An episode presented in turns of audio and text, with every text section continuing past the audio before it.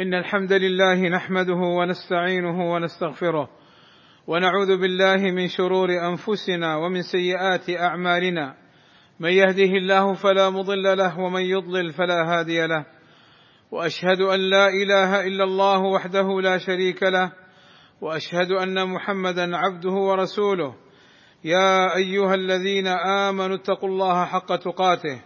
ولا تموتن إلا وأنتم مسلمون. أما بعد فالوضوء شرط لصحة الصلاة. قال تعالى يا أيها الذين آمنوا إذا قمتم إلى الصلاة فاغسلوا وجوهكم وأيديكم إلى المرافق وامسحوا برؤوسكم وأرجلكم إلى الكعبين. وقال صلى الله عليه وسلم لا يقبل الله صلاة بغير طهور ولا يصح الوضوء من مجنون ولا من صغير لا يميزه ولا ممن لم ينوي الوضوء كمن نوى التبرد باستعمال الماء أو إزالة الأوساخ ولا بد أن يكون الماء طهورا. ويشترط لصحة الوضوء إزالة ما على أعضاء الوضوء من مانع يمنع وصول الماء إلى الجلد من وسخ متراكم أو أصباغ سميكة. قال صلى الله عليه وسلم ويل للأعقاب من النار أي التي لم يصلها الماء.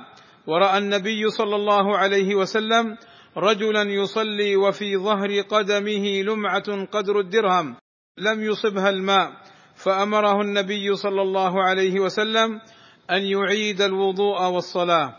وبين النبي صلى الله عليه وسلم صفة الوضوء فلا بد من تعلم صفة وضوء رسولنا الكريم صلى الله عليه وسلم. وقد كان الصحابة رضوان الله عليهم يعلمون الناس الوضوء. فعن أبي حية الوادعي قال رأيت عليا أي علي بن أبي طالب رضي الله عنه توضأ فغسل كفيه ثلاثا وتمضمض واستنشق ثلاثا وغسل وجهه ثلاثا وذراعيه ثلاثا ومسح برأسه وغسل رجليه ثلاثا ثلاثا ثم قال هذا وضوء رسول الله صلى الله عليه وسلم وواجبات الوضوء ستة أحدها غسل الوجه بكامله ومنه المضمضة والاستنشاق فمن غسل وجهه وترك المضمضة والاستنشاق أو أحدهما لم يصح وضوءه. والثاني غسل اليدين مع المرفقين. والثالث مسح الرأس كله ومنه الأذنان.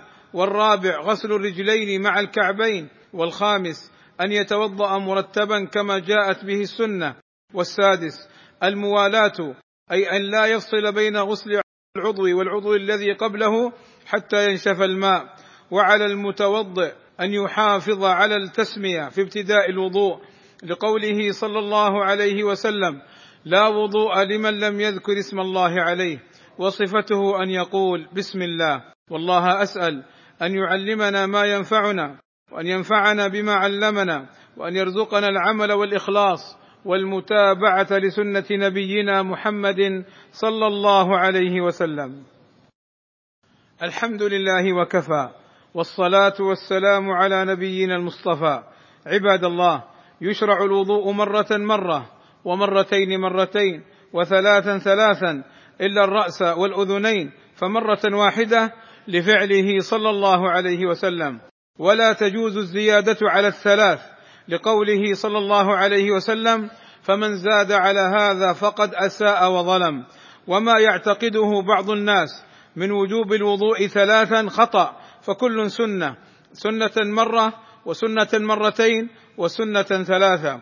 ويحرم الإسراف في ماء الوضوء فقد كان صلى الله عليه وسلم يتوضأ بالمد ففتح الحنفية وتركها تصب خطأ وكذا فتحها بحيث يخرج الماء بكمية كبيرة خطأ. ويمكن البعد عن الإسراف بغلق الحنفية عند أخذ مقدار من الماء وتخفيف فتحة خروج الماء بحيث يخرج قليلا جدا.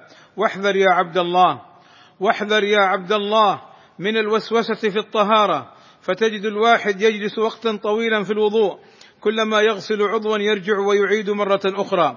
ولا شك أن هذا خطأ من تلاعب الشيطان والواجب أن لا يلتفت إلى الوسوسة بل يمضي في الوضوء ولا يلتفت للشك والوسوسة.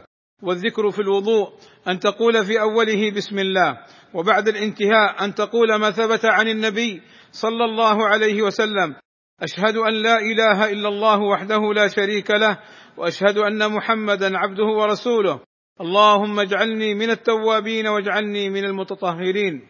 ويقول سبحانك اللهم وبحمدك أشهد أن لا إله إلا أنت أستغفرك وأتوب إليك. ولا يشرع ذكر غير هذين الذكرين. ولا يشرع مسح الرقبة في الوضوء. إذ مسح الرقبة لم يفعله النبي صلى الله عليه وسلم فهو من البدع المحدثات. ومن توضأ ثم حلق شعره أو قص ظفره فهو باق على طهارته ولا حرج عليه. ومن توضأ ثم أصاب بدنه أو ملابسه نجاسة فيغسل النجاسة ولا يعيد الوضوء. عباد الله إن الله وملائكته يصلون على النبي. يا أيها الذين آمنوا صلوا عليه وسلموا تسليما. فاللهم صل على محمد وأزواجه وذريته كما صليت على آل إبراهيم. وبارك على محمد وأزواجه وذريته كما باركت على آل إبراهيم. إنك حميد مجيد. وارض اللهم عن الخلفاء الراشدين أبي بكر وعمر وعثمان وعلي وعن جميع أصحاب النبي صلى الله عليه وسلم والتابعين لهم بإحسان وعنا معهم بمنك وكرمك. اللهم آتنا في الدنيا حسنة وفي الآخرة حسنة وقنا عذاب النار. اللهم فرج همومنا واكشف كروبنا ويسر أمورنا. اللهم اغفر للمسلمين والمسلمات والمؤمنين والمؤمنات الأحياء منهم والأموات. والصلاة والسلام على المبعوث رحمة للعالمين وعلى آله وصحبه أجمعين. والحمد لله رب العالمين.